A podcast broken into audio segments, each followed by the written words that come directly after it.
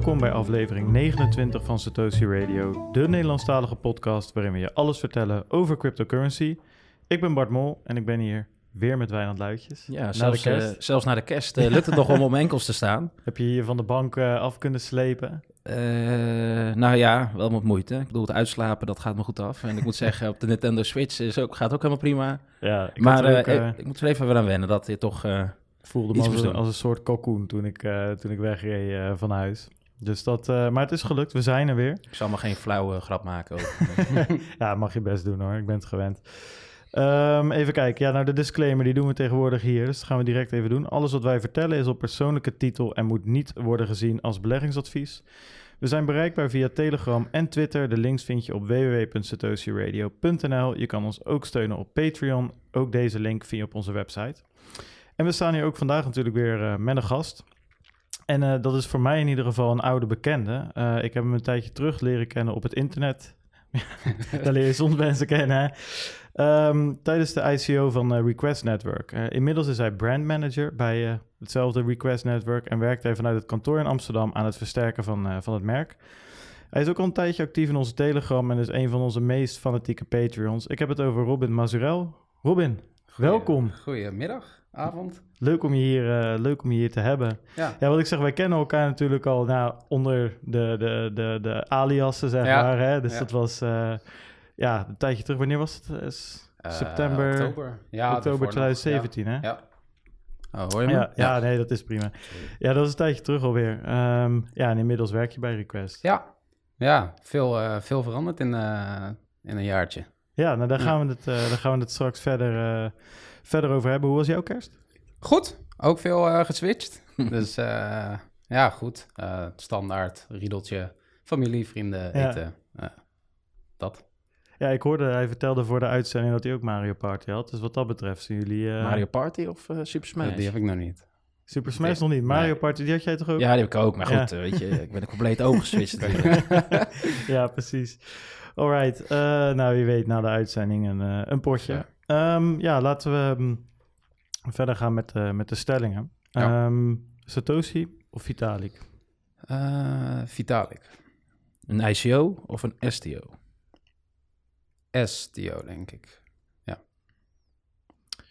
STO, alright. Singapore of Nederland? Eh, Nederland, toch wel. Toch Nederland. Proof of work of proof of stake? Eh, proof of work. PayPal of Ideal? Ideal. Nou, duidelijk. Wil je er nog op eentje terugkomen? Eh, I guess eh, STO tegen ICO. Ja, Eh, als ja, ik, ik ben brand, brandmanager bij Request.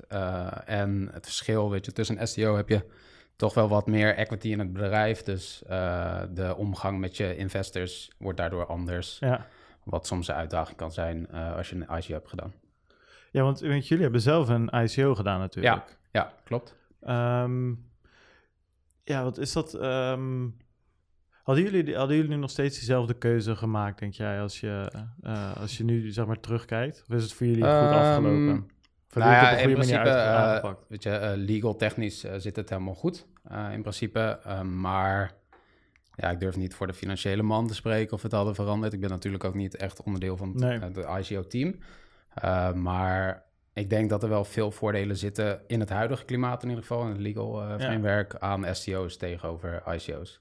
En vooral eh, kijkend naar community en ja, dingen die de community mag verwachten ja. in een ICO-vorm tegenover een STO-vorm, is het denk ik ja, beter om een STO te doen als bedrijf zijnde. Ja. Ja, want jullie hadden die ICO vanuit Frankrijk gedaan? Of waar, waar hebben jullie dat eigenlijk gedaan, legal? Zwitserland. Zwitserland, Ja. ah, makes sense natuurlijk, ja. Ja, dat, dat- ja, dat, eh, ja, ik kan het me nog goed herinneren. Was, eh, nou, daar komen we zo verder op terug. Ja. ja, daar waren nog leuke, leuke tijden wat dat betreft. Nee, maar ik snap wat je zegt. Het is natuurlijk een... Ja, op dit moment... Ja, dat, dat, ja, daar zal jij als brandmanager natuurlijk ook mee te maken hebben. Je, natuurlijk, je hebt een community Ja. die opeens helemaal uit de klauwen groeit. Zeker Ja. om een request eh, was zeker op een bepaald punt behoorlijk gehyped, zeg maar. Dat was Ja. een van de, van de holdest ICO's op de market, zeg Mhm. maar. Ehm, ja, en iedereen verwacht op, wat, op, op wat van je, terwijl ze in principe ehm, eh, wettelijk natuurlijk nergens recht op hebben. Nee, klopt. Eh, ja, en dat maakt het soms lastig, omdat je, omdat je andere verwachtingen schept bij mensen die ja, voor een grotendeel, denk ik, voor de eerste keer sowieso investeren in hun leven. en die dat vergelijken met gewoon investeren, maar dat eigenlijk niet is. Ja, ik vraag me af of heel veel mensen dat niet wisten. Hè? Want ja, je moet toch eerst al crypto kopen. Dan moet je heel veel moeite doen om gewitelist te worden. Mm -hmm. uh, er zitten gewoon heel veel stappen in voordat je überhaupt wat geld kon sturen naar een Ether wallet. Dan kreeg je tokens terug. dus of het nou de echte onnozelende, onnozele de beleggers zijn, dat weet ik niet zeker. Maar het zijn gewoon wel gelukzoekers natuurlijk. Ja, ja, en uh, niet, niet iedereen natuurlijk, maar... Uh, nee, maar ik denk wel een groot deel. Dat is wel mijn gevoel wat ik ook zo zie. Ja, en als je, ook als je kijkt naar onze ICO, er zitten 30.000 mensen whitelisted. Dus er zullen vast wat mensen uh, in zitten die voor een eerste keer investeren. Ja, uiteraard, ja, natuurlijk. Ja, nee, het is ook zo, als maar genoeg mensen geloven dat, dat het een stukje equity is, dat het een aandeel is, dan gaat het zich ook gedragen als een aandeel. Ja. Hè, dat hebben wij met, voor mij was dat Wabi of zo gezien. Toen we daar echt goed, goed naar gingen kijken, toen bleek het een soort van ja, loyalty punten eigenlijk bleken dat te zijn waar je dan misschien uh, die... Van die, babyvoeding, ja, ja, precies. Waar, met waar die melote kikker. Met die kikker inderdaad, waar je dan die, die voeding van zou kunnen kopen. Maar dat, ja, dat was het. Het was, helemaal, het was echt een, een soort airmaal waar je misschien ooit een keer wat mee zou kunnen kopen. En omdat iedereen dacht dat het gewoon een soort van aandeel was of een soort utility token op, der, uh, op, op, op een blockchain. Mm ja, ja, dachten mensen nog dat het, dat het een soort van waarde had. Ja. Dus nou, toen ik dat had gezien, toen was het ook wel tijd om daar, uh, om daar uit te stappen. Maar dat was natuurlijk wat heel veel ICO's, uh, ICO's hebben gedaan. Mm -hmm. Misschien is het leuk om daar nog wel straks op terug te komen. Ja, daar heb ik ook qua request nog wel, uh, nog wel wat vragen over. Is goed. Maar kijk, ja. jullie kennen elkaar natuurlijk uh, goed, maar ik ken jullie historie alleen. Nou, jullie hebben elkaar ontmoet op Slack. Maar gewoon, ik ben wel benieuwd hoe Robin gewoon überhaupt in crypto ja, is gekomen. Uh, met, in aanraking met hem of nee, in gewoon in, in, general? Ja, in, in general. Uh, ja, ik denk uh, de eerste keer dat ik van blockchain hoorde is door mijn broer. die was me altijd aan het pushen om een boek te lezen. blockchain Revolution heette die volgens mij. altijd geweigerd. tot ik in augustus 2016 Stratis ging die daarover praten.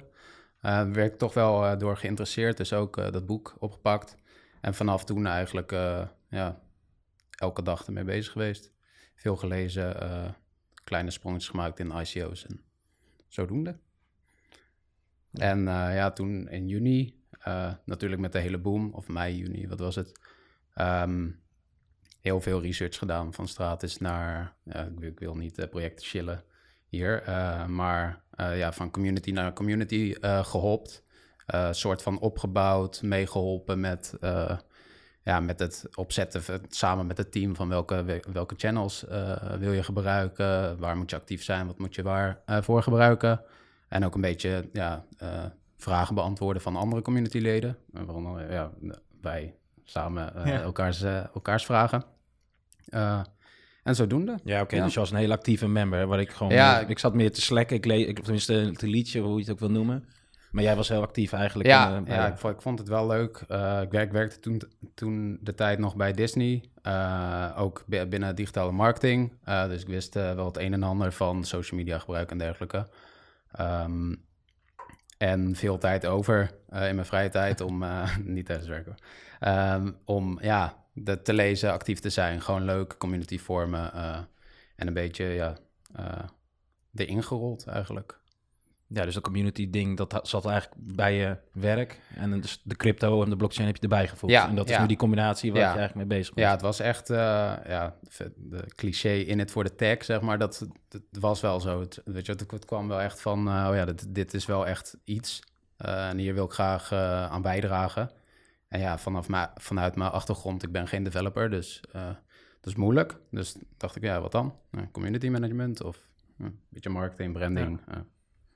Ja, ja wel dus cool dat het uiteindelijk uh, gelukt is, zeg maar. Ik, daar, nou, daar, daar komen... Ja, er zijn zoveel dingen waar we nog op terug moeten komen. Maar dat, uh, ja, we hebben echt wel een leuk lijstje met, uh, met vragen wat dat betreft. Ja. Um, maar eerst gaan we het hebben over het nieuws en de marktupdate. Oh, ja. en daarna gaan we dus verder met jou praten over hoe het gaat met Request Network. Um, ja, Wijnand, ik zie dat jij een uh, nieuwtje over Litecoin hebt meegenomen. Ja, vooral in combinatie met, uh, met de UFC. Hè? Want, nou ja, goed, jij weet denk ik wel, maar ik ben een behoorlijk groot fan van UFC. Ja, ik, Nintendo's en uh, UFC. ja, en dan ben ik al snel gelukkig. Dat zou mijn perfecte zondag is dat toch wel. Ja, Zo'n event doet al een paar, enkele, meerdere uren op, op een dag. En nou, kijk ze, kijk ze trouw. En ehm, nou, het was me als eerder opgevallen, want je hebt ook een organisatie um, Bellator en je hebt een oude vechter Rory, Rory McDonald. Die heeft daar al eens een, een Dash uh, promotie gedaan. Hè? Dus die heeft naar, naar een toeleven naar een event, volgens mij in New York. Liep hij met shirtjes en handschoenen van Dash. En, op, volgens mij zelfs op de ring, dat weet ik niet zeker. Maar ik weet nog dat ik dat op tv had gezien en toen een foto van had gemaakt. En uh, gisteravond, nou was bizar laat, voordat ik ging slapen, zag ik nog iets over Litecoin voorbij komen. Want die hebben blijkbaar dus een deal met nou, UFC. En dat is toch wel de grootste MMA-organisatie ter wereld. En als die iets goed kunnen, is het inspringen op hypes en dingen promoten. Hè? Want dat is gewoon nou, Amerikaans slik in elkaar gezet. Ik ben ook in Rotterdam bij zo'n event geweest. Nou, daar gaat echt niks fout. Alles is voor, voorgelijnd. Iedereen staat op de juiste plek. Maar Litecoin gaat daar dus nu op de, op de center stage, dus op het, in de octagon, zoals dat heet, komen ze midden op de vloer met een groot logo. Nou, dus de vechters, die moet je zien, die vechten dus in de octagon, in de ring. En eigenlijk continu, mhm. bijna met elke shot mogelijk, zie, je wel dus de, de Litecoin logo. Um, nou, dat vond ik best wel opmerkelijk. Van de Litecoin, nou ja, goed. Ja, Litecoin Foundation, ik hoor er ver weinig over. Je ziet niet veel nieuws. Ik zie ook weinig progressie per se. Ik volg het ook niet heel actief. Maar opeens uh, kwamen ze continu voorbij met Twitter feed. En toen was ik ook wel benieuwd, nou, vooral omdat nu een brandmanager aan, de, uh, aan tafel hebben staan. Van, ja, hoe kijk jij nou tegenaan, tegen dit soort ja, paid sales of enorme marketing stunts? Of, of ja, hoe kijk je nou gewoon tegen zo'n fenomeen aan? Uh, ja, ik heb een beetje twee, twee kanten. Weet je, qua uh, exposure van het merk is natuurlijk heel goed. Uh, want je weet dat je mass market behaalt met zulke ja, stunts. I guess je, je hebt het ook wel eens gezien met, wat was het, Verge en Pornhub, geloof ik. Beetje hetzelfde. twee merken die helemaal niet bij elkaar passen, maar omdat het zo raar is, bereik je de media ermee. En dat is denk ik ook het idee hierachter. Uh, om gewoon ja, viral te gaan, I guess. Um, projecttechnisch snap ik het niet echt. Uh, nee, dat ik geen idee waarom ze zoveel geld betalen. Nou, het geld kan ik niet vinden. Ik heb nog best wel gezocht. Ik kan niet achterhalen hoeveel nou dollar met die deal gemoeid is. Maar de UFC is geen goedkope plek om te promoten doorgaans. Um, maar ik, denk niet dat die, dat die Dana White dit doet omdat hij zo'n fan is van Litecoin. Ja, waarschijnlijk heeft hij niet eens van gehoord. Nee, precies. ja. Nee, maar dus zij zeggen van ja, we willen door middel van dit soort uh, commercials of dit soort marketing de algemene adoptie, dus van Litecoin of crypto, ja. stimuleren. Ja, ja. ja ik, ik, weet niet of het nou per se uh, de doelgroep is, maar. Nou ja, ik, is het alleen echt uh, een logo uh, erop? Of is het ook, je kan met Litecoin uh, betalen en dan krijg je 10% op? Nee, ze, dus het werkt inderdaad met pay-per-view, Amerikaans. Dus je kunt zo'n show kopen. Nou, volgens mij is het 100 dollar of zo. Maar ik heb niet kunnen vinden, volgens mij zou je het niet kunnen afrekenen met Litecoins. Nee. Dus Dana White krijgt geen Litecoins okay. op zijn UFC-wallet.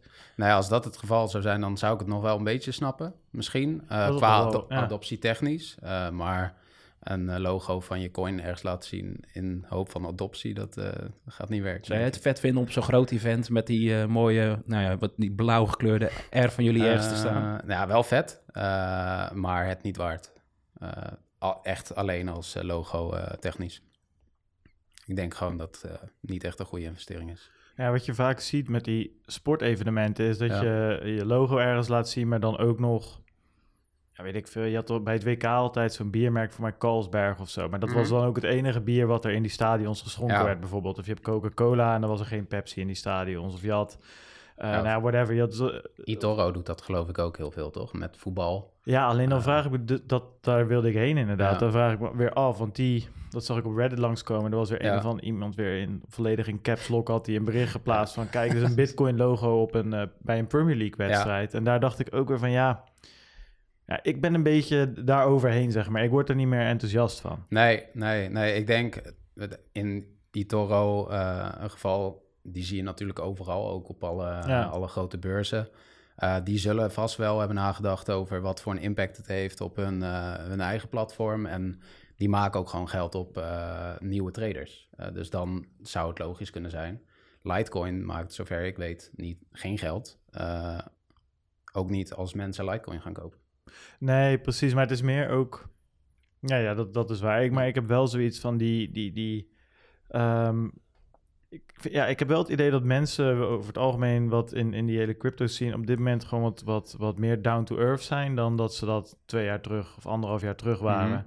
Mhm. ik zag namelijk ook een ander nieuwsbericht langskomen dat er een een of andere wet in Amerika voorgedragen werd of zo om crypto geen security te laten zijn of iets in die oh, richting. Ja, exemption van de SEC of zo. En, en daar werd ook in hoofdletters bijgeschreven, this is good for crypto en zo. En iedereen eronder zei in principe van, joh, hou maar op, weet je. Dit is mhm.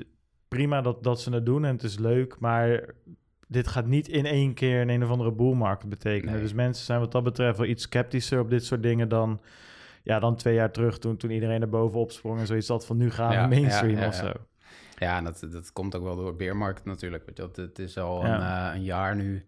Uh, alles wat positief is, heeft ook niet echt een, uh, een impact op de prijs. Dus dan is het ja, al niet meer positief. Nee, ik ben wel benieuwd. Want dit 30 december gebeurt het event. nou, dus, nou goed, voor wie het volgen is het wel een, een, best wel een grote. Dus ik ben wel benieuwd of inderdaad dan, want dat is heel makkelijk te zien natuurlijk wanneer het geërd wordt, of het enige invloed heeft. We hebben natuurlijk wel in het verleden uh, Rodman gehad met die potcoin. Ja, je zag direct een pump. Prijstechnisch. Ja, maar heel kort, want ja, dat heeft vroeger helemaal niks toe tegen nee. wordt gebruik van potcoin. Nee. Nee, Ik, ben, ik ben ook benieuwd. Ik wil het best, eh, het lijkt me leuk om in de gaten te houden. Maar ik denk wat we nu gewoon nodig hebben, is gewoon dat je ja, Litecoin of whatever, Bitcoin of, of, of maakt me eigenlijk niet zo, Ethereum, whatever voor platform of coin, dat het gewoon, dat daar dingen aan toegevoegd worden zodat het beter bruikbaar is. Dat mensen het makkelijker kunnen gebruiken, dat, er dat er makkelijk uh, wallets zijn om te mhm. gebruiken, dat, dat, ja, nou whatever. Gewoon dat de gebruiksvriendelijkheid van crypto verhoogt. Want je kan, het, je kan al je geld van je, wat je de afgelopen jaren verdiend hebt, kan je stoppen in reclames en zo. mensen gaan het toch niet gebruiken als het, als het zo lastig blijft als het nu is eigenlijk. Nou ja, niet, niet gebruiken waarvoor het is gemaakt in nee, ieder geval. Precies, inderdaad. Dus ik denk, ja, om structureel verder te gaan, heb ik liever dat ze dat geld in, in wat andere dingen stoppen. Maar goed, dat uh, is niet mijn keuze, dat is die van hun. Alright, Robin, jij had ook een nieuwtje meegenomen? Ja, ja ik heb, uh, het, is, het is al een verhaal, dat is al enige tijd bezig, sinds het begin van december.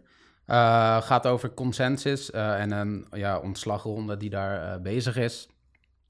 consensus is het bedrijf achter, ja, achter Ethereum niet echt, maar het, het, commerciële deel van Ethereum. Ja. Venture Lab Studio die in principe ja, startups aan het maken is om vervolgens revenue mee te, te drijven. Dus enige tijd veel negatief, ja, negatieve berichtgeving over geweest. Nu kwam er gisteren ook een soort tegenwoord van uh, de CEO, uh, eh, Joe, Joe Lubin, ja. Joseph.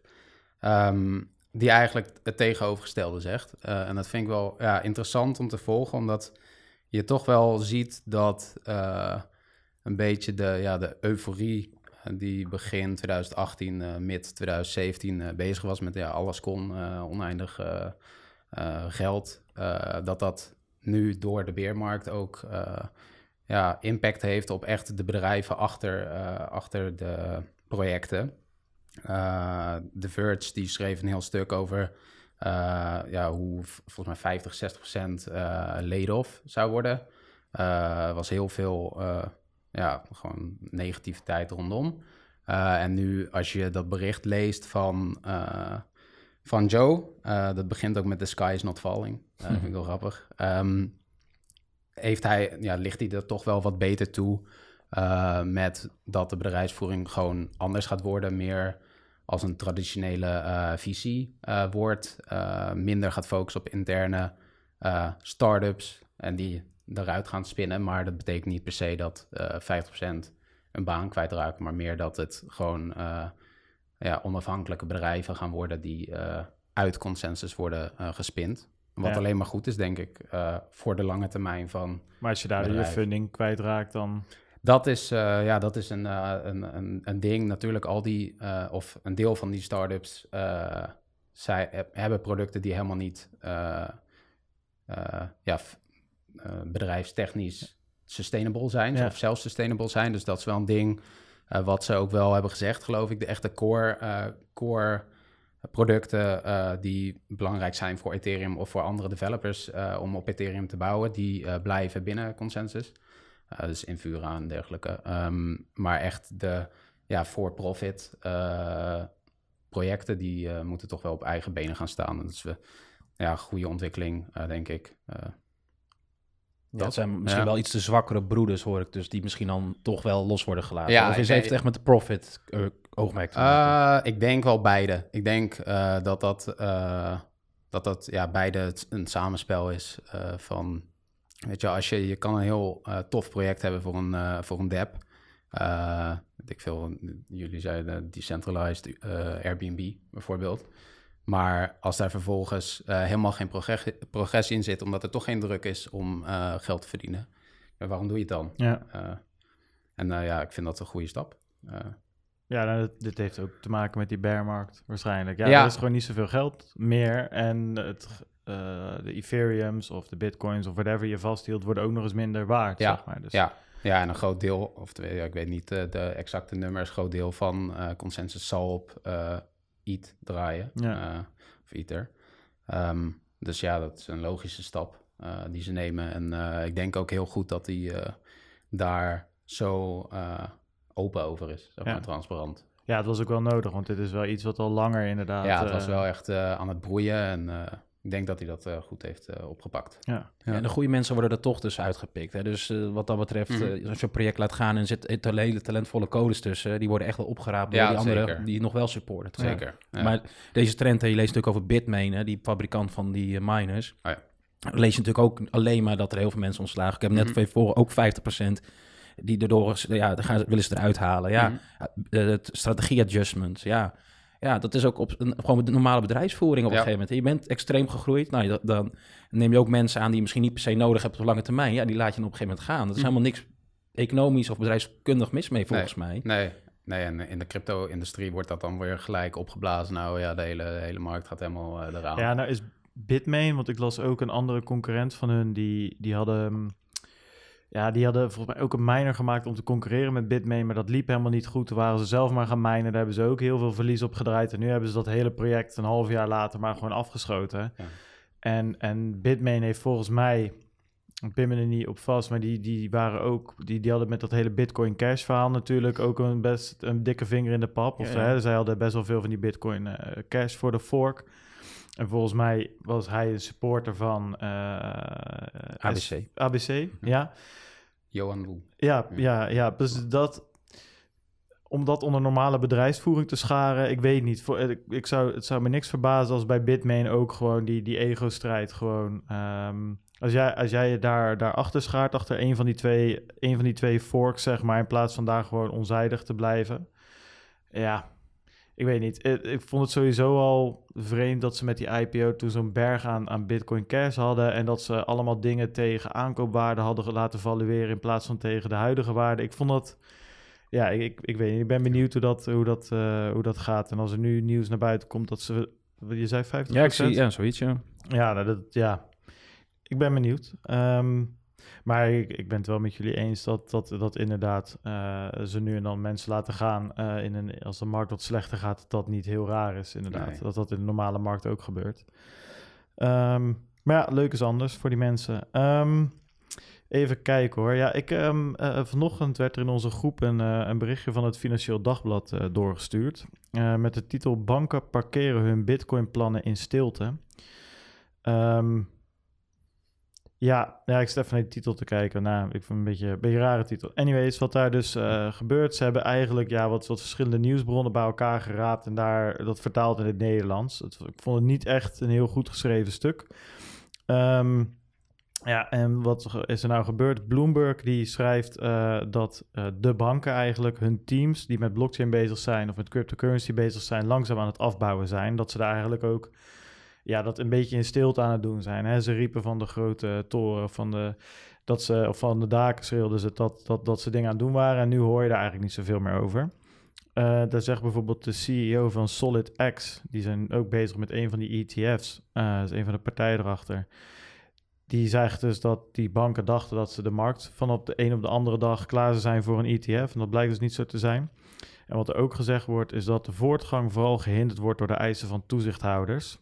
Uh, al dus de bron. En ja, de bronnen die worden dus niet echt duidelijk. Dat vond ik een, een beetje lastig. Hè? Dat zijn geen officiële verklaringen van die bank, van die banken eigenlijk. Wat er ook door een andere bron gezegd wordt, uh, dat er geen institutionele klanten geïnteresseerd zijn, omdat de prijs gekelderd is. Vond ik ook een interessante. Ehm, en het zou hier gaan om de Amerikaanse banken Goldman Sachs, Morgan Stanley en Citigroup. Dat zijn wel grote banken natuurlijk. Ja, ik weet niet. Ik zat te lezen en ik denk, wat moeten we hier nou weer mee? Hebben jullie, een idee? Ja. Ja, en Bitcoin-plannen vind ik. Hè, dus eh, meten ze dat in een blockchain-team groter? Dan heeft een blockchain iets anders voor banken dan direct alleen Bitcoin. Dit ging over crypto. Dus echt de ETF's, producten, trading desks. Dus echt de crypto-kant, niet de interne blockchain-kant. Ja, maar ik vraag me af of dat nou echt zo makkelijk te meten is. Want je kunt natuurlijk op LinkedIn natuurlijk uh, misschien profiling doen. Hè? Dus onder die banken kijken hoeveel mensen hebben dan het woord blockchain in hun naam. Ja. Dat dat iets is. Maar ze schijnen dus bronnen vanuit die banken te hebben. Dat is wat, wat Bloomberg uh, zegt eigenlijk. Ja, ik, ben, uh, ik ben daar heel sceptisch over. Uh, ook kijkend naar uh, vorig jaar met het hele JP Morgan verhaal natuurlijk. Hmm. ja, ik weet, ik weet niet. Zolang iemand dat niet publiekelijk roept. en zelfs dan ook, weet je, wat, wat is de echte motivatie erachter? Een belang, banken hebben natuurlijk zelf ook een steek in ja, daar niet uh, volledig transparant over te zijn. Niet per se om, uh, om, een, om een prijs naar beneden uh, te praten, maar om eigen projecten die ze ni liever niet willen, publiekelijk willen maken, nu nog. ja, ik weet, ik weet niet. Ik heb er niet echt ja. een...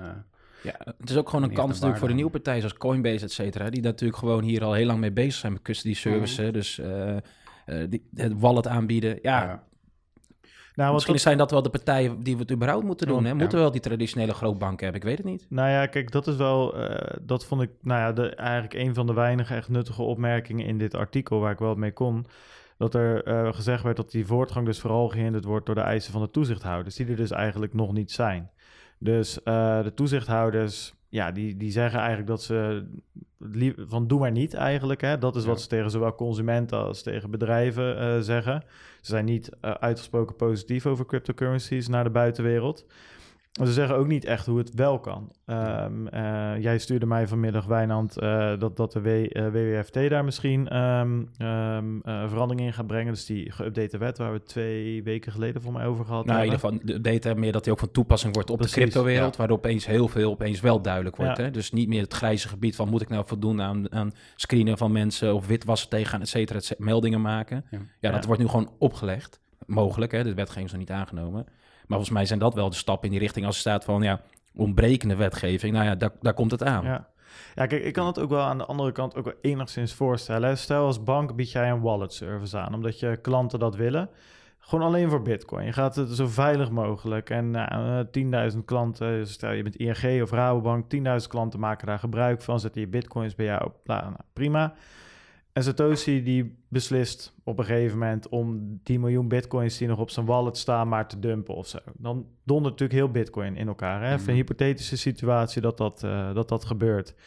Dan ben je als bank opeens betrokken in iets waar eigenlijk van tevoren helemaal geen upside voor jou was. Want die 10.000 klanten, dat is natuurlijk peanuts voor, uh, voor zo'n bank.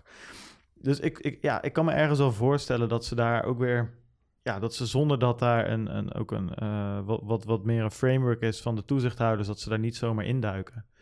Um, dus dat vond ik een goed, uh, goed onderdeel aan dit artikel. Voor de rest had ik zoiets van ja, dat ging alleen maar, de prijs was gekelderd en daardoor was niemand meer geïnteresseerd. Ja, dat zou goed kunnen. Ik bedoel, dat zie je in de normale markt ook. Uh, ik, ik, krijg ook niet meer, als ik in een Uber stap, dat iemand vraagt of, je, of je al bitcoins hebt. Ja, dat, dat gebeurt nu niet en een jaar geleden wel. Dus dat zal misschien onder de institutionele beleggers ook zo zijn. Maar het kan natuurlijk zijn hè, dat die, misschien over die bank waar het nu gaat, al lang doorontwikkeld en uitontwikkeld zijn. En dat ze het product misschien op de plank hebben liggen en dat nog ja. aan getweakt moet worden voor het live gaan. Maar ja, op een gegeven moment, je kunt die codes ook niet maar gewoon uh, de hele dag koffie laten halen. En als het nog niet geïmplementeerd kan worden in je bedrijfsvoering door het ontbreken van wetgeving, ja, make sense dat je zegt van, nou ja, we kunnen ook die mensen iets anders laten doen. Mhm. Maar het wil niet zeggen dat die producten helemaal weg zijn. Ik bedoel, ja, wallet services is natuurlijk, ja, als je het plat slaat, ja, dat is een goede, goede toevoeging. Niet het, het, moeilijkste zou het moeten zijn. Ik denk alles eromheen. Hoe implementeer je dat in je huidige infrastructuur? Al dat soort moeilijke zaken. Ja, ja, um, maar klopt, want dat is ook wat in dat artikel gezegd wordt... dat, dat ze eigenlijk ook geen klanten voor hun producten kunnen vinden. Dus eh, dat in sommige gevallen het al wel klaar staat... In, in de huidige, ook eh, wat past in de huidige financiële wetgeving die er is... maar dat, ja, dat, uh, twintig, dat ze twintig klanten kunnen vinden. Ja. Maar goed, ja, de vraag is hoe... Um, misschien is het, is het waar en is er geen hond meer geïnteresseerd. En misschien is het niet waar. Het is een anonieme bron waarvan het onmogelijk is om na te gaan hoe uh, betrouwbaar die is. Um, maar goed, ik, uh, ik vond het interessant als er weer Nederlandse media uh, zo'n artikeltje plaatst. Nou, het past wel bij de trend die eigenlijk net Robin ook aanhaalt. Hè? Dus dat alles uh, mensen omlaag, ja. minder in de aandacht.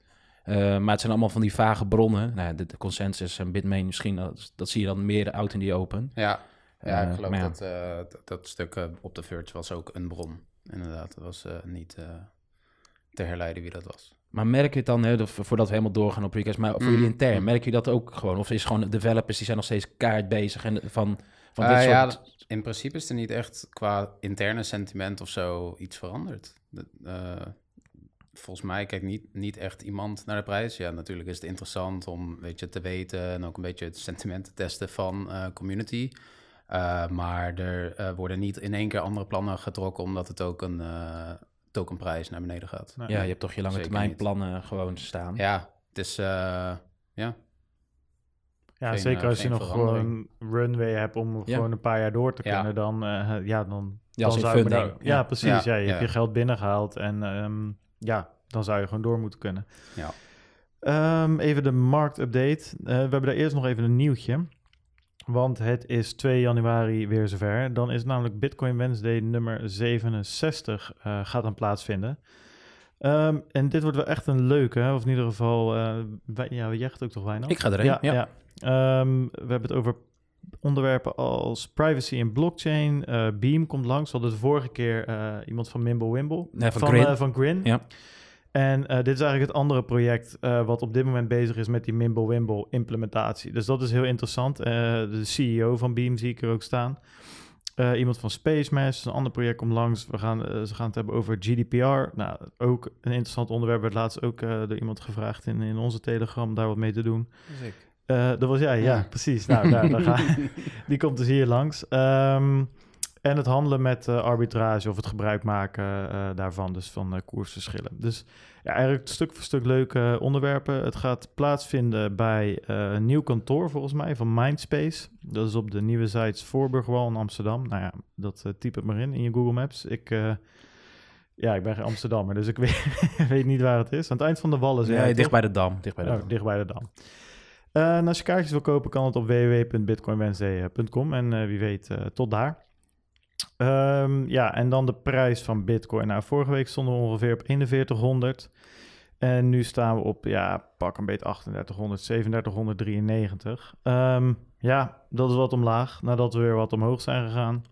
We hebben nog de 4200 aangetikt en uh, daarna weer omlaag. Ja, ik uh, zat me vol te douwen tijdens kerst. ik weet niet wat jou is. Ik heb het niet echt... Uh... Ik heb het ook niet echt in de gaten gehouden. Nee. Het ging wel weer goed, geloof ik. Uh, ja, het ging wel ja, heel veel volume. Ja, ja, Heel veel volume vergelijkbaar met, geloof ik, in mei. Ja. ja dus dat er echt wel serieus gehandeld werd.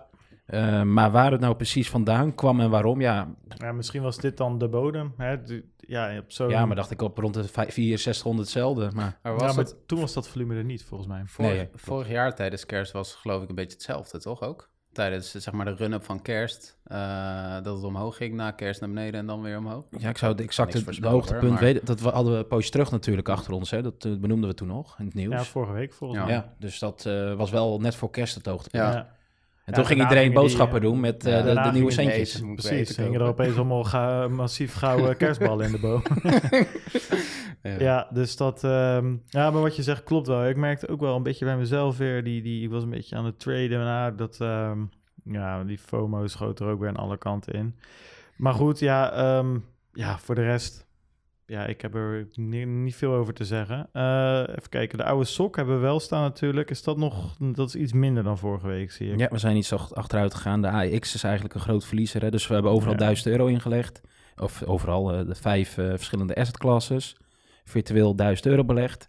En nou ja, goud die is running up. Dan staan we sinds onze investering dat 6,2% in de plus. Ja, het komt dus, door die kerstballen.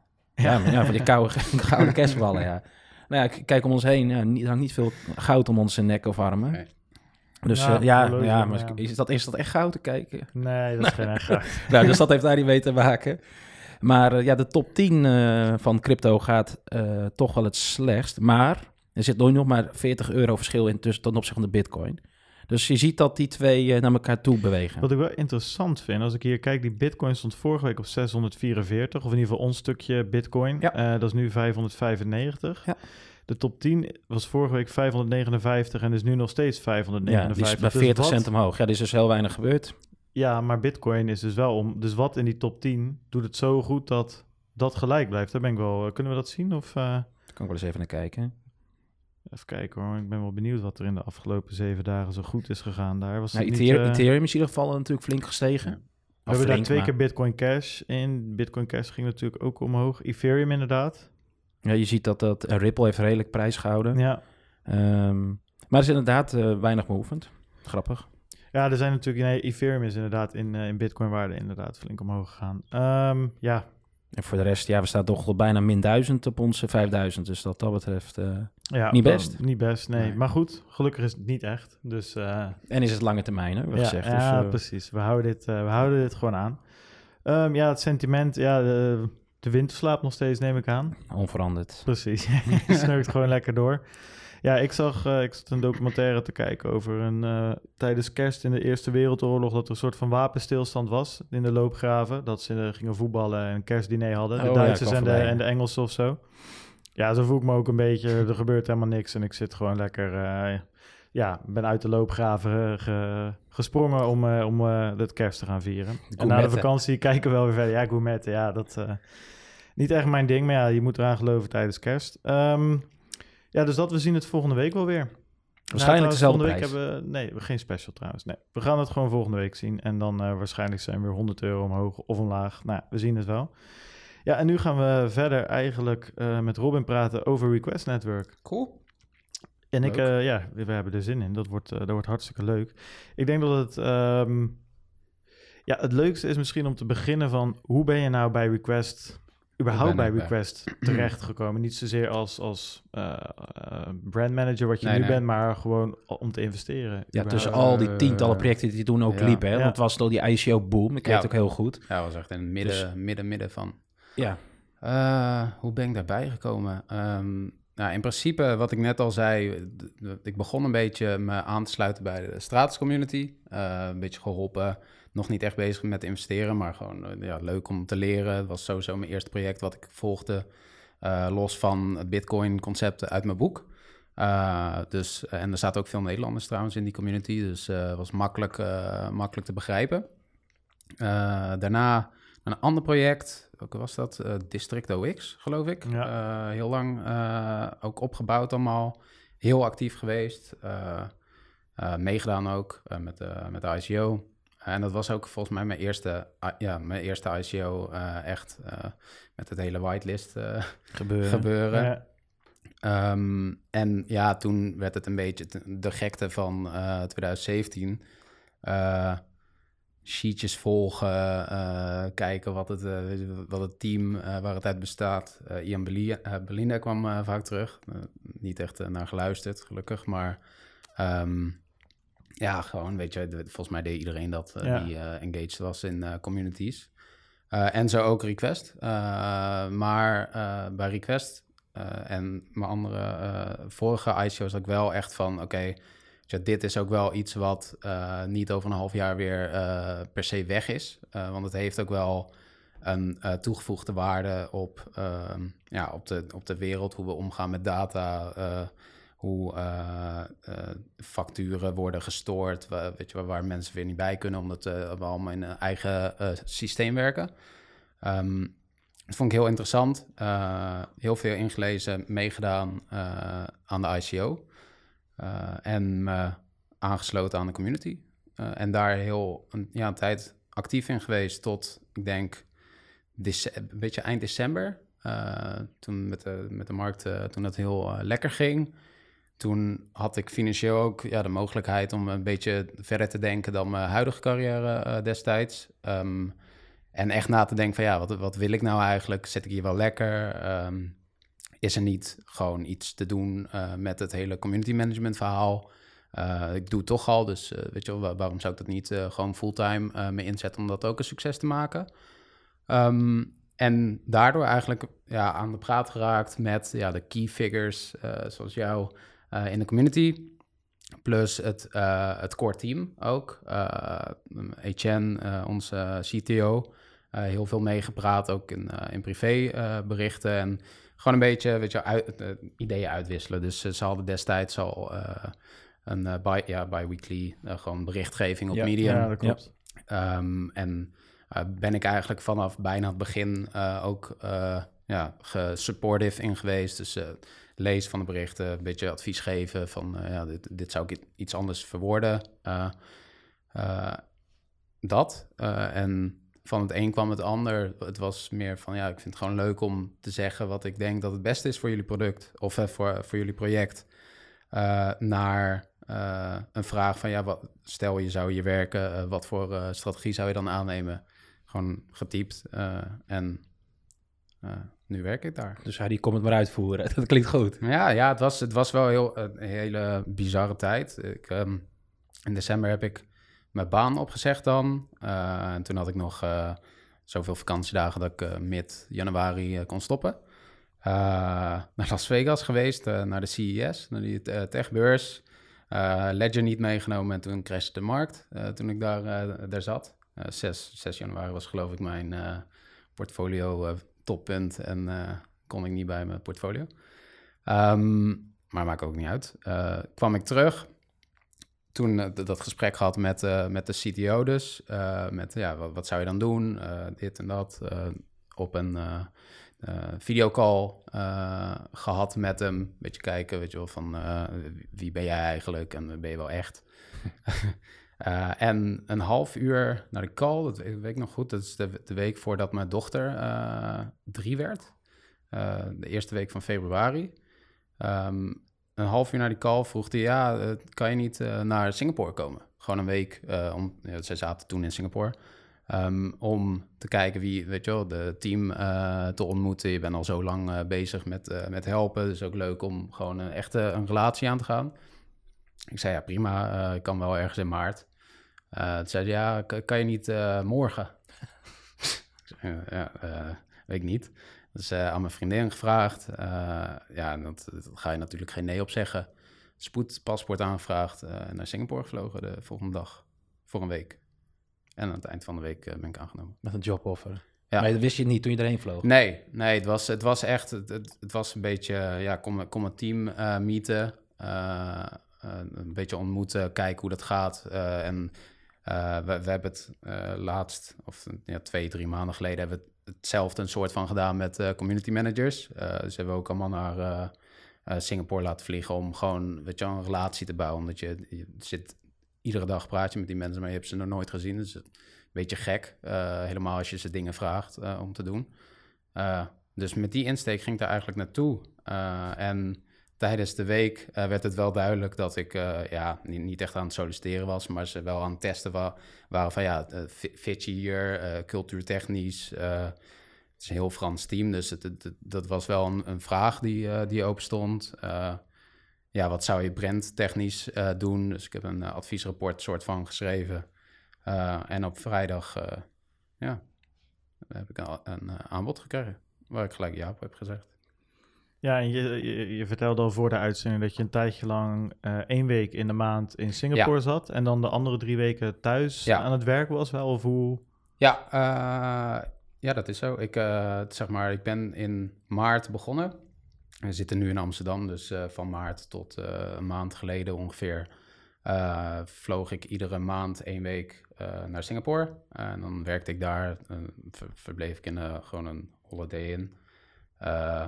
En dan drie weken thuis, remote. Ja. ja.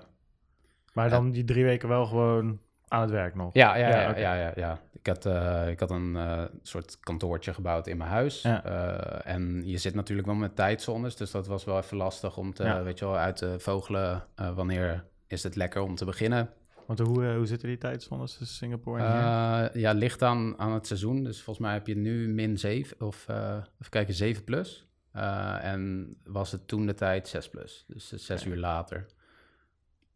Dus ja, hoe zag je dag er dan ongeveer? Uh, als ik thuis was of ja, in Singapore? Ja. Uh, als ik thuis was, ja, lag een beetje aan dag tot dag. Dus als er meetings waren waar ik echt bij moest zijn of wilde zijn, qua developers die dan in Singapore zaten, dan moest ik soms wel eens vroeg opstaan. maar over het algemeen is dat vrij flexibel. En weet je, mijn baan is ook niet echt dev-focused. Dus ik heb, ik heb natuurlijk wel heel veel van doen met de developers. Maar het is niet erg als ik iets twee uur later lees. Nee, nee, nee, nee, precies.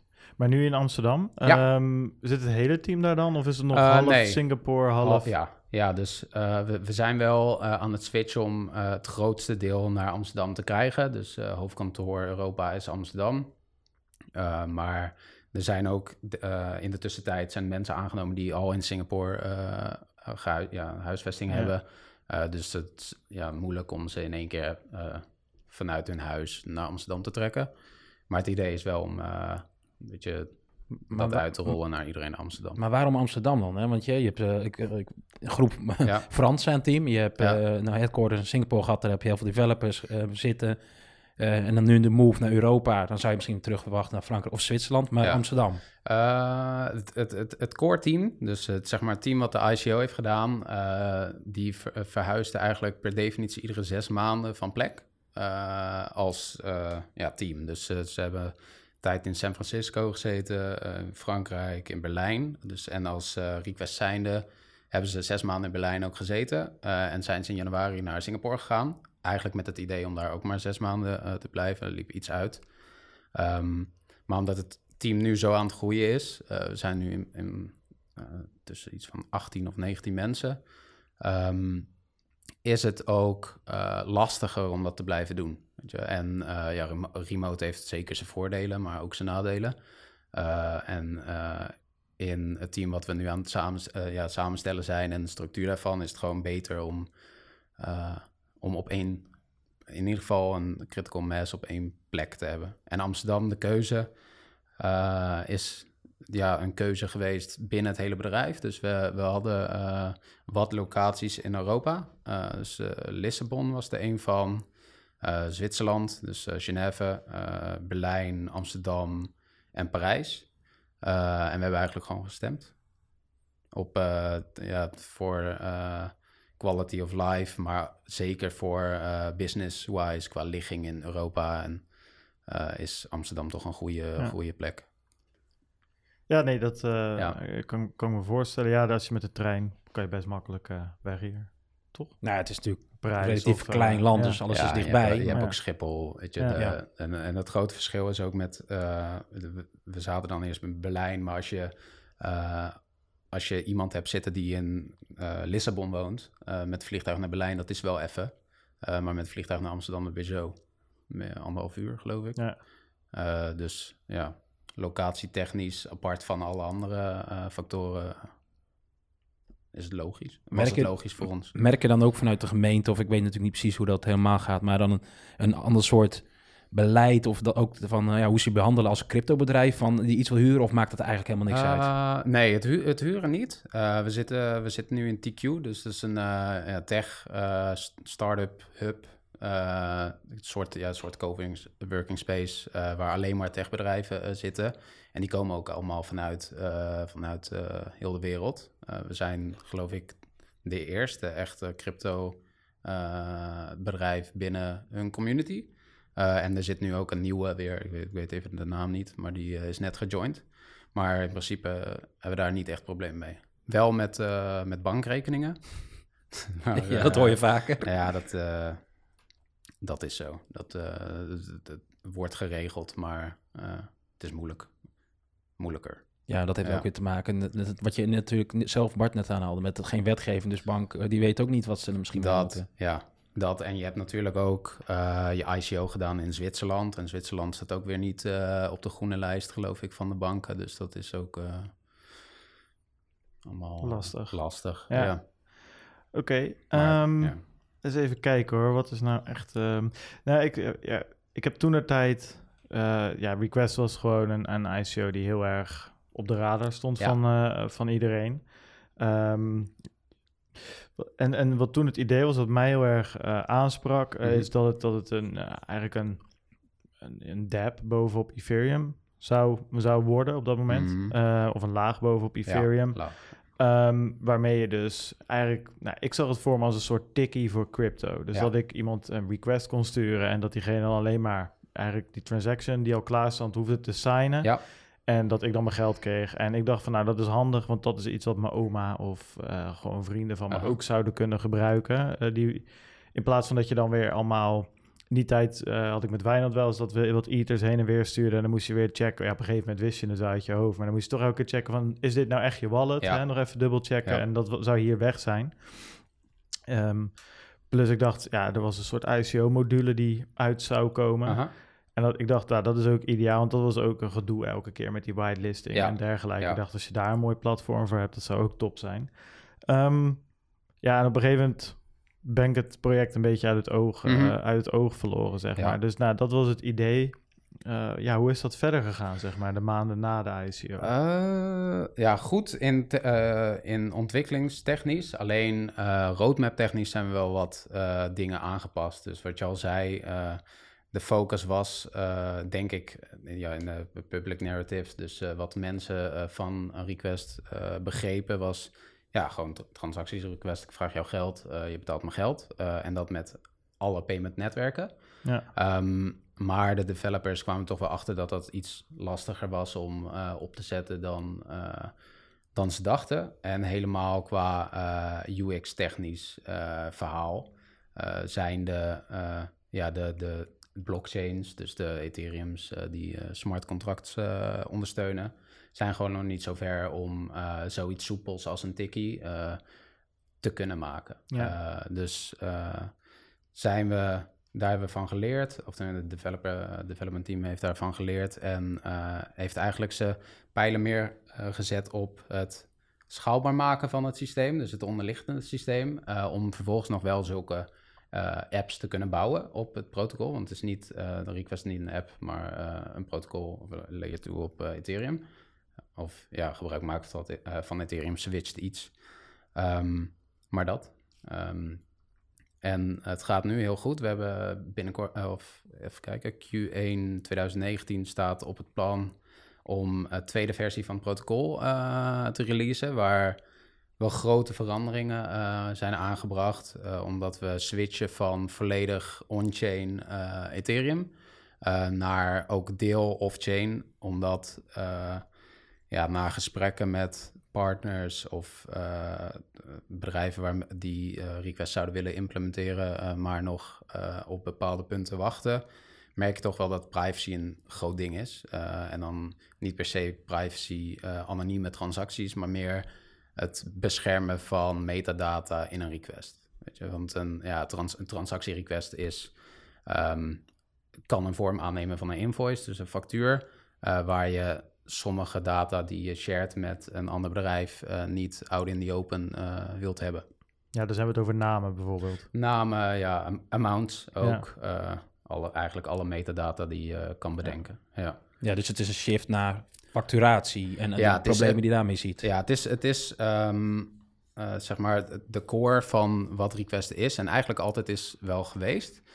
is een ja, open netwerk zijn voor uh, transactierequest, wat onder andere facturen kunnen zijn. Ja.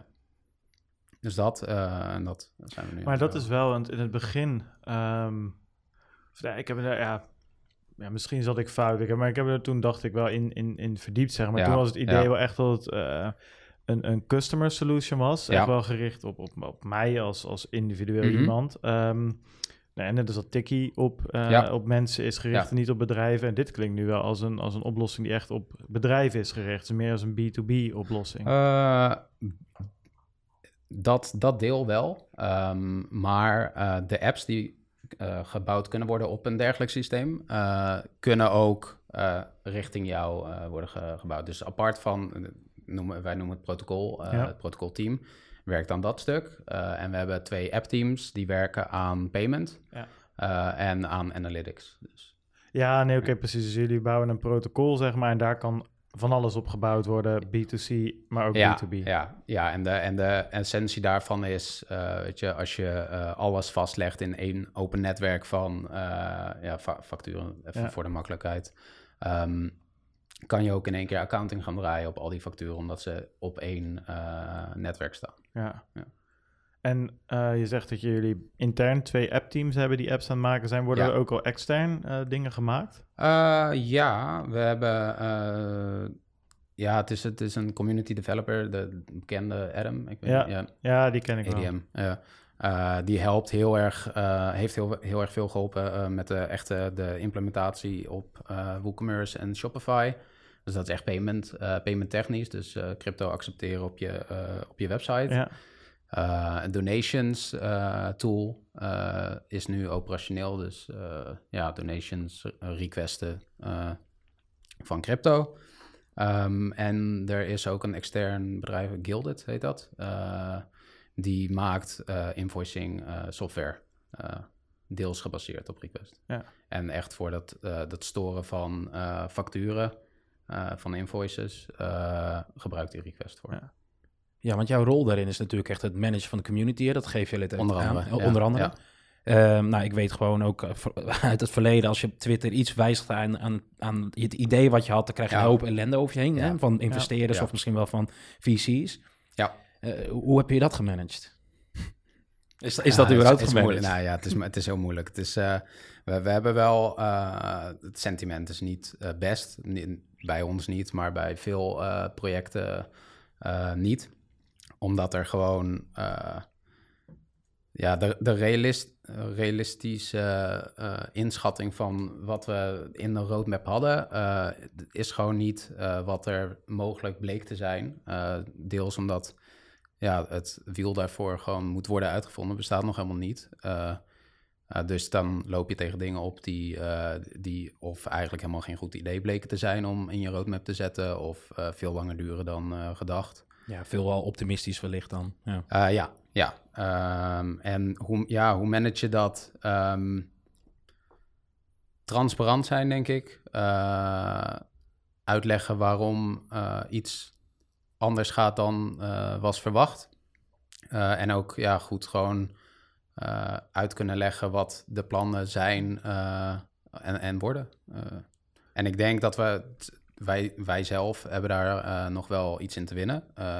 veel projecten denk ik ook, omdat het het, het gaat zo snel qua uh, switches en je, ja, hoe, hoe je kan daar best lang of veel tijd aan besteden om iets uit te leggen wat ver, vervolgens volgende week alweer niet echt zo is, omdat je weer iets anders aan het doen bent. en ik denk dat tijd, ja, de, de, tijd uit, niet uitzitten, maar dat tijd dat wel gaat helen, zeg maar. Dat, weet je wel? Ja, dat is ook wel, dat op een gegeven moment, um, voor mij heb ik dat ook nog wel eens op, op, op die Slack toen gegooid. Um, maar dat, nou ja, ja, troll, troll. Ja, ik hou er wel van. Ik vond het wel, wel leuk om de andere mm mening te geven. Maar ja. het, het, het, ding is, en dat is niet, inderdaad niet alleen request, dat is eigenlijk voor elke dApp. Um, of in ieder geval als je iets bouwt, ja, gebruikmakende van uh, Ethereum, is dat Ethereum natuurlijk op een gegeven moment wel er nog moet zijn ten eerste. En ook nog technisch vooruit moet gaan. Want je bent dus wel, je bouwt wel een afhankelijkheid op een ja, andere groep ja. Uh, mensen of een ander ja, bedrijf wil ik het niet noemen, maar wel een, een, ja, een, een, extra afhankelijkheid, zeg maar. En dat is wel lastig in deze markt, denk ik. Klopt. En uh, als, je het, ja, als je naar ons protocolteam uh, kijkt, naar wat ze aan het maken zijn, is de focus daar uh, op ook wel dat het ja, blockchain afhankelijk, onafhankelijk is. Dus dat we, we gebruiken nu, of in V2, straks alleen nog maar het consensus stuk van Ethereum om data ja, immutable te maken. Ja. en in principe elk, elke blockchain die smart contracts ondersteunt, dus ja, noem er één. Uh, anders van Ethereum Silica, denk ik. ja, nee, ja, die wilde ik juist even een afleveringetje niet noemen. Tron. Ja. Nee, maar ik was wel inderdaad wel, wel, wel interessant of, of jullie...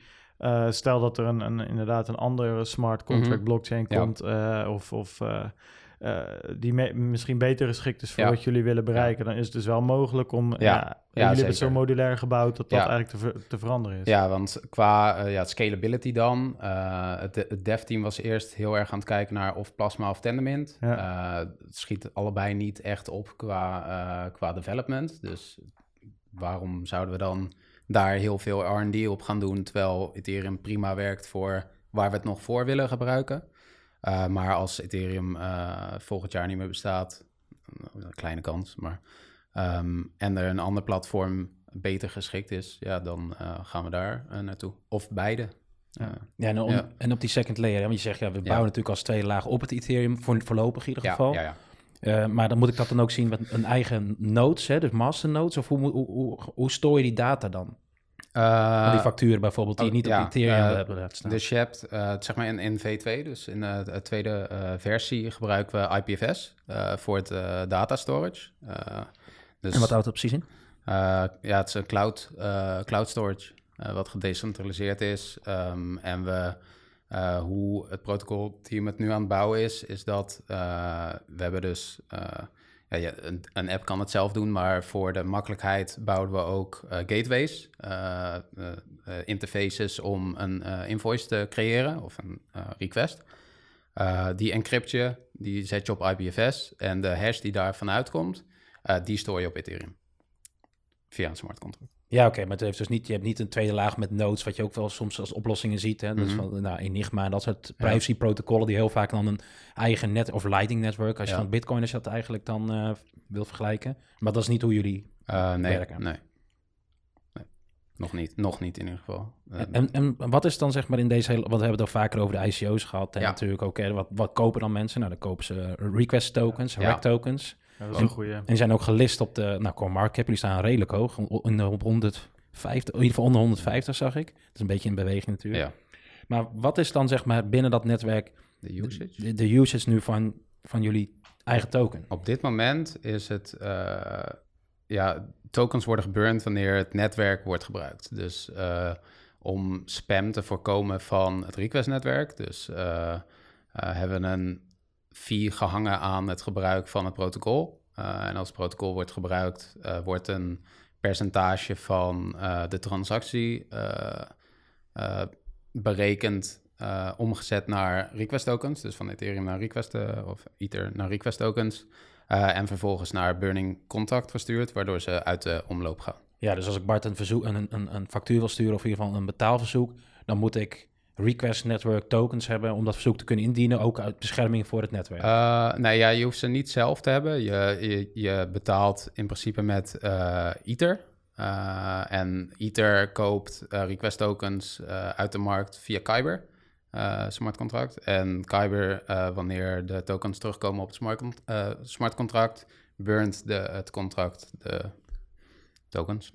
Ja, ik heb deze discussie uh, ontelbaar keer, keer gehad online. Ja. Um, voor mij niet eens zozeer met jou, maar wel met een paar, paar anderen. Die, ik kon gewoon het uh, in eerste instantie het antwoord niet krijgen. En dan nee. moet je het... Um, voor duidelijkheid, dat waren met andere community members. Ja, was over het algemeen niet met het team of iets dergelijks. Het was een community Slack en het team bemoeide zich daar niet zo heel veel mee. Die kwamen ze nu en dan eens kijken, maar dat, dat viel allemaal mee.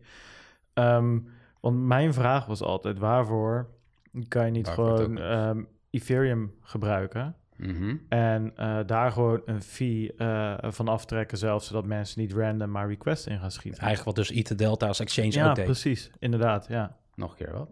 Nou, dat je gewoon, uh, um, hey, je bouwt een, een, een dApp of een protocol op, ja. op Ethereum, waarvoor kan, en, en um, de request die je doet, die is mhm. voor ethers. Hè? Uh, ik wil ethers van jou, dus ik stuur een request. Waarvoor kan die fee, zeg maar, niet gewoon in Ethereum tokens zijn? Waarvoor moet dat in request tokens? Uh, ik denk, het eerlijke antwoord denk ik ook omdat uh, ja, het, het, sustainen van development voor request, dat dat ook een reden is om het naar een eigen token te tillen in plaats van een ether. Nee, ja, precies. En dat was toen uiteindelijk waar, uh, of in ieder geval, dat is ook fijn. Dat is prima, weet je wel. Uh, want anders had er helemaal geen request geweest op dit mhm. moment. Ja. Um, dus dat is prima. Alleen dat, ja, die discussie had ik toen vaak met andere community members die met allemaal redenen kwamen. Waar ik dacht van ja, dat kan volgens mij ook met Ether. Um, maar goed, dan moet je dus net als die Ether Delta doet. Weet je, die heeft uiteindelijk ook verkocht. Uh, omdat hij in zijn zolderkamertje daar elke uurtje wat hij had voor noppes aan zat te werken. In ieder geval, die pakte ook die fees. Ja, dus en later um, die uh, boete omdat hij dus... Een, ja, ik denk dat hij nog wel wat extra over heeft gehouden daaraan. Hoor. Ik denk dat hij onder de streep wel... Uh, 300 wel, Ja, 380 volgens mij. Ja, zoiets, ja. Was wel fors. Maar ja, dat, er was ook flink wat volume op een gegeven moment. Ja. en dat is het, qua utility token dan, ja. is dat op dit moment de enige utility. En governance is een tweede ding ja. wat nog uitgerold gaat worden. Dus een beetje inspraak op wat er gebeurt, waar we aan werken, dat soort dingen. Ja, is dat dan een soort van dus steken? Dus hoeveel je hebt, kun je, kun je invloed uitoefenen? Uh, zijn we nog niet echt uh, over uit, omdat we uh, er nog niet heel ver in zijn qua, qua uitrol. maar inderdaad, het is wel het idee om decentraler te worden als, als organisatie. Ja. Daardoor. Ja, lijkt me ja. tof. Leuk om te, om, om te volgen. Um, maar je bent natuurlijk ook brandmanager. En we hadden het net, de Wijnandse nieuwtje ging er ook over. En daar hebben we het al eventjes over gehad. Um, en uh, we hadden vorige keer, of een tijdje terug, iemand in de studio die iets vertelde over, uh, over een influencer die Slacks rondging en gewoon mm. zijn diensten aanbood voor een x hoeveelheid ja. uh, geld ervoor in ruil. Ja. En toen werd er tegen ons gezegd, en ben dat was een goede, goede feedback in de Telegram groep was dat volgens mij van, joh, als jullie dat soort dingen roepen, onderbouw je claim is met feiten, zeg maar. Dan ga ik jou hier niet vragen om allemaal... Uh, alle, alle vuile was van alle influencers die, die jullie benaderd hebben op straat te gooien. Maar ik ben wel benieuwd van... In, ja, in, hebben jullie influencers gebruikt? En, en hoe, weet je een beetje hoe dat wereldje in elkaar zit? Hoe, hoe gaat dat? Hoe gaat dat? Als in... Je zei ook, nou je zei al nee, jullie hebben geen influencers. Dat is niet jullie manier van marketen. Nee, ja, ja we, we in, intern uh, hebben, zijn we een beetje van mening dat uh, paid advertising, waar influencers ook uh, onder horen, op dit moment in ieder geval geen enkele nut hebben voor ons. Omdat we qua producttechnisch nog niet uh, op een level zijn waar we het product willen in, in de markt willen zetten. Want je hebt maar één kans om een product in de markt te zetten uh, en dat moet gewoon goed zijn. Um, dus af, ja, onafhankelijk of uh, los daarvan denk ik dat de enige reden da dan zou zijn om je tokenprijs te verhogen. En dat staat niet echt op onze prioriteitenlijst, korte termijn in ieder geval. Nee, je ziet ook dat dat soort sales vaak korte termijn zijn. Ja. Die, die ICO-boom, als je op een sheetje kwam, had het wel invloed. Hè? Mm Maar nu hebben we dat met het UFC wat klaar Ja, ben benieuwd wat halen. Ja. ja. Maar word je dan echt veel benaderd, juist als, als, als bedrijf zijn? Of, Ja, ja, niet alleen van de influencers, maar ook van uh, exchanges. Die, uh, volgens mij heb ik iedere week wel vijf aanvragen of we willen listen op een exchange. Nou, de, zoveel uh, exchanges draai niet echt volume. Dus uh, het heeft, het heeft geen, niet echt nut. Denk nee, Voor je liquiditeit heeft, heeft het nee. wel nou ja, Jullie staan op Binance, toch? Um, Binance, ja. Ja, nou ja, dan ja, ja, al redelijk te ja, ben, je, er wel een end. Moet je zorgen dat je nog een paar andere hebt als er eentje mm -hmm. omvalt, maar... Uh... Ja, en uh, ja, influencers... volgens mij zijn er ook niet echt heel veel influencers die tof, echt toffe content maken. Weet je, ik ken er wel een paar, een Ivan on Tech of zo, weet je wel, die echt uh, meer producttechnisch aan het praten is. Uh, maar overgrote deel gaat altijd over tokenprijs of uh, wat zijn de plannen van je roadmap en weet je wel, waar wil je naartoe? Ja. ja. ja. dat viel mij ook al op en dat is op zich wel jammer. Kijk, ik, ik kan, kan begrijpen dat je zo begint. Ik bedoel, mhm. eh, ja, je weet er ook niks van af in het begin. Maar ik zie ook dat een jaar of anderhalf jaar later de, de, de grootste influencers, of als je ze zo mag noemen, ja, ehm, ja dat die als, als er een EME is en er vraagt iemand een technische vraag, dat er alsnog een soort van generiek uh, lulverhaal komt. En dat is best wel zonde. Dan denk ik van ja, weet je, je hebt een jaar de tijd gehad en het, je verbetert daar gewoon. Je, je bent nog steeds op hetzelfde punt als een jaar geleden. Ja, ik denk dat het zonde is, want voor mij is er ook geen zak aan, joh. Als je maar blijft gaan over die prijs de hele tijd en nog steeds in die ICO's blijft gaan, nog steeds je spreadsheetje bij blijft werken, nog nou steeds die video's, die schreeuwerige video's moet maken de hele tijd. Ik weet over wie het Nou ja, maar er zijn, weet je, iedereen, ik bedoel meer die, al je, je thumbnail, of hoe noem je dat, je titels in caps lock en maar door moet blijven gaan op die manier, omdat je voor de rest eigenlijk niet zoveel te melden hebt. Dat nee. Is, dat... nee, en daar zal, er zal het beste markt voor zijn, uh, zeker op ICO-vlak denk ik dat het, uh, weet je, als je als product technisch of projecttechnisch uh, niet veel te bieden hebt, of ja, techni technisch gezien, dan zou het misschien een, mogelijk, een goede stap kunnen zijn om met een influencer te werken als je funds wil racen uh, en awareness wil creëren daardoor. Maar wij hebben het in ieder geval niet, uh, niet nodig gehad en ook nog, nog niet gebruikt. Nee. Nou, je ziet natuurlijk ook dat de techniek chillen veel moeilijker is dan een supermooi logo van, een brand of iets cools. Of uh, weet ik veel, als iemand mooie t-shirts heeft. Ja. Mhm. En we hadden nog pas in de, in de channel ook, ik weet niet wat die website was, blockchain.101 of zo, weet ik veel. Die ook die mooie info, infographs heeft. Alleen dan zie je hoeveel verschillende consensusmechanismes er zijn. En, eh, nou ja, zelfs ik zit daar dan ook, of zelfs ik, maar ik ook zit daar net te kijken van, wow, wat is dit allemaal? En probeer dat maar eens te chillen van, nou, die, of te, te, over iemand overtuigen waarom dat zo geweldig is. Want elke heeft ook weer zijn eigen use case. En ja, dit zijn ook niet de technische mensen die zich per se daar over kunnen uitlaten. Nee, en ik, ik denk ook, als je een beetje kijkt naar Request dan als uh, de doelgroep die wij hebben voor de community is hoofdzakelijk developers. Omdat je, een protocol is zo succesvol als alle apps die erop draaien. Ehm, eh, en naar, ja, naar mijn uh, experience over de laatste jaar in ieder geval... Uh, zijn developers niet heel erg gevoelig voor schreeuwende YouTubers. Nee, nee, nee ik ook niet. maak ik ze ook weinig, weinig mee. Um, ik dacht dat het misschien nog wel leuk is om te vragen van... kan je eens beschrijven hoe een normale gemiddelde dag voor jou eruit ziet? Een normale gemiddelde dag? Ja, misschien, misschien heb je wel helemaal geen normale gemiddelde dagen. Maar uh, hoe zag je dag, uh, je laatste werkdag eruit? Laat ik het zo zeggen. Het, ja, sinds ik in Amsterdam zit, zijn mijn, ja, mijn tijden wat anders. ik begin om zeven uur, of ik probeer om zeven uur in, op kantoor te zijn. Um, wat doe ik allemaal? ik ben deels bezig met community, dus lezen wat er omgaat. Niet alleen in onze eigen community, maar ook gewoon op de hoogte zijn van uh, eigenlijk alles wat er speelt in de blockchain-wereld. Uh, trends proberen te spotten. Uh, ja, te checken wat andere pro projecten aan het doen zijn. merktechnisch, maar ook communicatietechnisch. Um, dus een stukje leren, denk ik. En de, en, de, en, de, markt in de gaten houden. heel veel intern overleg met productowners. Um, dus ik, ben, ja, ik ben hoofdzakelijk verantwoordelijk voor het opzetten van merkstrategie, uh, design, uh, hoe uh, benamingen van bepaalde producten zijn en dat soort dingen. Um, en daarvoor is het voor mij in mijn rol heel erg belangrijk dat ik op de hoogte ben van echt alles wat er speelt intern. waarom keuzes worden gemaakt, waarom of hoe een product A bezig is en hoe product B daarop inspeelt of deels afhankelijk is van product A. dus dat. Um, nu ben ik bezig met ja, een rebranding project uh, met een eh, agency uh, in Nederland. Dus daar spendeer ik heel veel tijd aan. dus ja, nieuwe logo, nieuwe kleurenstelling, nieuwe website aan het bouwen nu.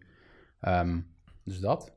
Um, en dan nog een beetje ja, hiring help ik veel mee. Of heb ik veel mee geholpen. we hebben nu net een nieuwe HR manager. Um, dus dat, uh, daar ben ik iets minder mee, uh, weer mee bezig nu. Uh, ja. Dat, een beetje, ja. ja. Breed. een beetje van alles wat, van alles wat nog, niet ja. puur programmeren is eigenlijk. Ja, ja. Ja, cool toch? Maar je bent ook heel veel bezig met dus de markt in de gaten houden. Maar dat weet ik echt oprecht ook niet. Zijn er nou echt veel grote concurrenten in de space wat jullie willen aanbieden? Of zijn jullie toch nog steeds die die unieke speler waardoor je misschien wel first mover advantage hebt? Uh, ik denk, ja, dat denk ik wel. Uh, op, als we echt kijken naar het, uh, zeg maar naar het open netwerk voor tra transaction request, is er niet echt een ander project wat het aan het doen is. Als je alleen kijkt vervolgens naar de, naar de use cases daarvan, dus payments, heb je gewoon de grote spelers, Stripe, PayPal, Adyen, die, weet je wel, die payment processors of payment uh, service uh, providers. Uh, wat hele grote concurrenten zijn. Ja, de huidige spelers bedoel je daarmee? Ja, ja, ja. ja. en in crypto minder, denk ik. ja. Ja, nee, dat, ja, nee, je hebt, ja, moet ik wel zeggen, Agen is natuurlijk ook wel hard gegaan. Dat was vijf jaar, zes jaar terug ook. Dus zaten ze ook waarschijnlijk bij een, een of andere coworking space. Wat dat betreft kan dat, kan dat hard gaan. Toen een succesvolle beursgang natuurlijk. Ja, ja, voor mij was dat. Ik zag laatst een van de stomfilmpje te kijken van de NOS, volgens mij. Die hadden gekeken van waar had je het best je geld in kunnen stoppen. Er werd natuurlijk direct gezegd: nou, Bitcoin niet, want dat is uh, omlaag. Nou, dat weten we allemaal. En Algen was 75% omhoog. Ah, ik weet niet of ze daar gekeken hebben gewoon naar de IPO-prijs, want daar kon je niet voor inkopen. Die hadden ze alleen maar aan grote partijen gekocht. Dus voor mij hebben die het meeste. Uh, ja, het meeste voordeel gehad. En de werknemers trouwens, die hadden ook allemaal aandelenpakket. Ja. ja, en ik denk ook, zeg maar, het, het, het beetje de, de, uh, het infrastructuur wat we aan het bouwen zijn voor uh, die transaction request. Het is ook niet per se dat we uh, een agent uit de markt willen spelen. We zijn ook wel zo realistisch dat het een moeilijke taak is. Um, en ik denk ook dat wij als uh, open netwerk heel veel kunnen bieden aan een dergelijke partij. Dus zijn een beetje, als je, weet je, als je het hebt over uh, ICO-tijd en de roadmap met fiat-integratie en dergelijke, is gewoon iets moeilijks om op te zetten zonder super gecentraliseerd of een, te worden. Of ja, je wordt eigenlijk een bank, wil je dat kunnen aanbieden. Um, dus zijn we ook wel aan het kijken van, oké, kunnen wij dan niet gewoon de blockchain payment provider eh, of uh, payment processor zijn? En waarom sluiten we niet gewoon een, weet ik veel, Stripe, een Edgen of uh, wie dan ook aan op het platform? Ja. Dan hebben we ook Fiat, doen wij het niet, maar... ja, zou, zou een van die apps kunnen zijn of een van die providers ja, op jullie ja, protocol? Ja, yes. Dat is een beetje het, het idee. Ja, ik ben benieuwd of dat soort partijen daar ongetwijfeld kijken die ook met een schuine oog naar die ontwikkeling. Ja, als er geld te halen is. Uh, nee, maar als er gewoon een business case is, ja, maar, maar uiteindelijk dan... En zo bij hetgeen wat hun natuurlijk hun bestaansrecht is, het payment provider. Ja. Dus ja, dus als dit dan een, een, een, doelgroep heeft wat ook inderdaad rendabel op een gegeven moment gaat zijn, ja. Ja, dan is het uh, niet logisch dan dat je dat uh, gaat implementeren. Ja, nee, dat je verwachten. Ja. En een beetje, ja, ons missievisie uh, ding is ook wel dat samenbrengen van die systemen. Weet je, de, je merkt nu heel erg dat je, uh, als je kijkt naar uh, Revolut bijvoorbeeld, of N26, die gewoon niet met elkaar samenwerken omdat ze op hun eigen systeem draaien. waarom, waarom werkt dat niet samen? Weet je wel, de, wat is het idee daarachter en kunnen we dat niet globaler maken? Ja, je zou zeggen van wel. Dus de data, wat het betreft, is natuurlijk niet heel complex. Nee. Alleen, ja, iedereen het is alleen het, ja, het, het uh, mindshift, denk ik, uh, van dat uh, open maken in plaats van gesloten. Ja, wat natuurlijk de gesloten, wat nu juist de kracht is van sommige bedrijven. Want de data die je hebt, is de, is de waarde zo'n beetje van je bedrijf. Ja. En ja, dat moet je dan op een gegeven moment open gaan geven mm naar iedereen. Ja. En je fee-structuur anders moet denken. Ja, daarom willen ze ook maar inderdaad die kleinere gedeeltes vastleggen op een blockchain. Dus meer, en dat hebben we al vaker gehoord, zeker van de mensen hier in de studio die, um, uh, die, die echt bezig waren met die B2, of in ieder geval die business solutions, hè, blockchain daarvoor gebruiken. Die zei al vanaf het begin, zo'n maanden terug inmiddels, van het is meer een soort van chronologische transactievolgorde. En dat leggen we vast. Ja. En we doen voor de rest eigenlijk niet zoveel daarop. Het is meer een volgorde van persoon X of bedrijf X heeft op dit moment dit gedaan. Uh -huh. En daarna gaat bedrijf I wel doen. En uiteindelijk heb je een soort van lijst uh, waarop je allemaal handtekeningen hebt van iedereen wanneer iemand iets uitgevoerd heeft. Ja. Nou ja, dat, uh, misschien komen we daar meer, uh, meer op terug. Ik denk dat het nog leuk is om even te kijken. Um, ja, wat, wat, wat kunnen we de komende maanden van jullie verwachten? Waar ga je mee bezighouden? ik, ikzelf of Request? Beide, Beide, denk ik. Okay. Ja, ik denk um, dat dat ehm, overlap uh, heeft. Ik denk komende maanden... de komende maanden gaat hij zelf op vakantie. op vakantie. Nee. Um, nee, ja, sowieso het afronden uh, van het hele rebrand-project is, uh, is een grote milestone, denk ik, voor mijn eigen rol, maar voor het hele team. we zijn best lang ermee bezig geweest. ik denk een half jaar in totaal nu. maar dat is echt van uitzoeken van agencies, langs agencies gaan tot oplevering van alles. Uh, dus dat uh, is iets waar ik zelf heel erg naar uitkijk. Um, en het nieuwe protocol uh, staat gepland voor eind Q1. Ja. Dus er moet binnen drie maanden iets van te zien zijn. Ja. ja. Dus dan zitten we in maart. En de rebranding ja. ook dan ongeveer? Ja, rebranding staat nu eind januari, mid, of begin februari. Oh, dat is al vlot. Dus dat... ja, cool. We, gaan het, we gaan het in de gaten houden. Yes. Um, ja, nee, dan is het denk ik voor mij weer een stuk duidelijker hoe het nu gaat met Request Netwerk. Um, een oude liefde. Ja, is toch meer aan veranderd dan ik zeg Ja, precies wat je zegt, dat beeld wat jij had in het begin, voordat je, toen je het introduceerde, dat is ook precies hoe ik het herinner. Ja. ja. En toen het toch uh, iets laten gaan. Uh, maar je ziet eigenlijk dus dat er een kleine shift is geweest, maar dat het nog wel steeds gewoon lekker ongoing is. Ja, ja, nee, dat is, dat is goed, uh, goed om te zien. Want we hebben ook wel veel ICO's gezien die ja, niet meer, er niet meer zijn, verdwenen zijn. Mm -hmm. Net, nou, dat was nog wel grappig trouwens. Ik zat van de week bij die Substratum gasten, zat ik nog eens over na te denken. Die, ik heb het eens even gekeken op de grafiek. Die hebben echt precies op het moment dat ze zeiden van we gaan nu traden, want hij gaat naar 60 of zo. Dat was echt de absolute, absolute bottom hebben ze hem verkocht.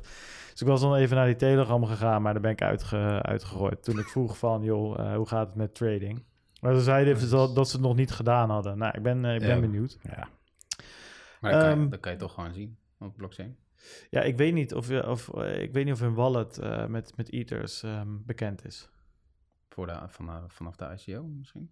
Ja, nou, zover ja. ben ik er niet ingedoken. Op een gegeven moment werd ik uit die Telegram groep getrapt. Dus toen dacht ik van, nou, laat, maar, ja. laat maar gaan. Um, ja, Robin, ik wil je van harte bedanken. Leuk dat je er was. Ja, Leuk dat je je verhaal kan doen. Leuk verhaal ook van, van fan naar, ja, of naar, naar brand manager. Ja. Dat is toch Leuk om te zien. Um, cool. Je kan uh, Robin volgen op Twitter, dat is Robin Mazurel. En uh, ja, je kan ook Request Network natuurlijk volgen, dat is Request Network. Voor mij zijn jullie yes. inmiddels op Discord uh, Ja, actief. als officieel supportkanaal. Ja. ja, dus daar kan je ook naartoe gaan naar de website www.requestnetwork.com, denk ik. Ja, mag. Of request.netwerk. Ja, nou, Dat, dat kan dus ook.